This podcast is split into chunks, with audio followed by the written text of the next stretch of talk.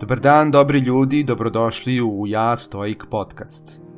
Ovo je prva od dve epizode u kojima pričamo o usvajanju stoičkog stila života. Podelit ću sa vama šta nauka kaže o praktikovanju stoicizma i ponudit ću konkretan savet za apsolutne početnike u stoicizmu. Moje ime je Peđa, ja sam autor web sajta jastoik.com, posvećenog stoicizmu, pravcu u filozofiji koji stiče sve veću popularnost među profesionalcima, sportistima i svima koji se trude da pronađu smisao u inače haotičnoj realnosti u kojoj živimo. Stoicizam je praktična filozofija. Njegov cilj nije da bude omiljena razbibriga akademika, već mu je namera da ponudi konkretne savete za ostvarenje smislenijeg i psihički stabilnijeg svakodnevnog života. Stoički učitelj Epiktet je stalno podsjećao svoje studente da praktikuju ono što su naučili – a car Marko Aurelije sam sebi u svom dnevniku zapisao ne troši vreme objašnjavajući šta znači biti dobar čovek. Budi taj čovek.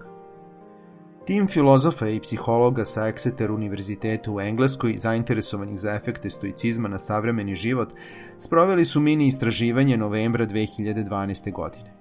Oni su pripremili priručnik za stoički život sastavljen od jednostavnih vežbi koje može svako da praktikuje.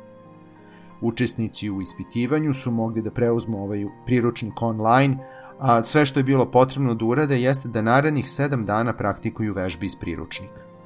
Test koji su učesnici popunjavali nakon nedelju dana pokazao je napredak od 10% u nizu kriterijuma koji su odraz psihološkog blagostanja.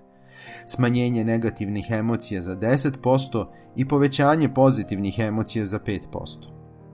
Podsećam da je u pitanju mini istraživanje koje je trajalo svega 7 dana. Efekti praktikovanja stoicizma bi sigurno bili još uočljiviji da je istraživanje trajalo duži vremenski period. Stoicizam se često koristi za izgradnju psihološke otpornosti profesionalnih sportista i vojnika. Stoicizam u kombinaciji sa pojedinim elementima kognitivno-behavioralne terapije deo je psihološkog treninga američkih vojnika. Statistika je pokazala da vojnici koji su prošli ovu vrstu edukacije zaista posjeduju veću psihološku stabilnost na terenu, a i kasnije po povratku normalnom životu. Za praktikovanje stoicizma nije potrebna nikakva posebna priprema. Za početak je dovoljno da se upoznaš sa mislima poznatih stojka koje lako možeš pronaći na internetu i na društvenim mrežama. Razmisli dobro o svakoj misli i o tome kako se ona odnosi na tvoj život sada i ovde. Nemoj je tretirati samo kao lep citat. Kada stekneš njeno potpuno razumevanje, pokušaj da je usvojiš i primeniš u svakodnevnom životu. Ako želiš da dalje napreduješ u stoičkim vrlinama, Na raspolaganju su ti knjige stoičkih učitelja i resursi poput jastoik.com websajta gde možeš da saznaš praktične savete za primjenu tehnika koje stoici preporučuju za razvijanje vrlina i zdravih mentalnih navika.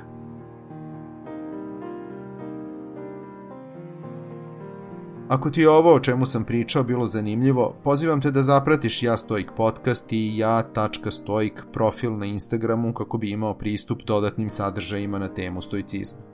Takođe, možeš da posetiš jastoik.com website gde možeš besplatno da preuzmeš e-knjigu 50 stoičkih misli koje ti mogu poslužiti kao inspiracija i putokaz za svakodnevni život.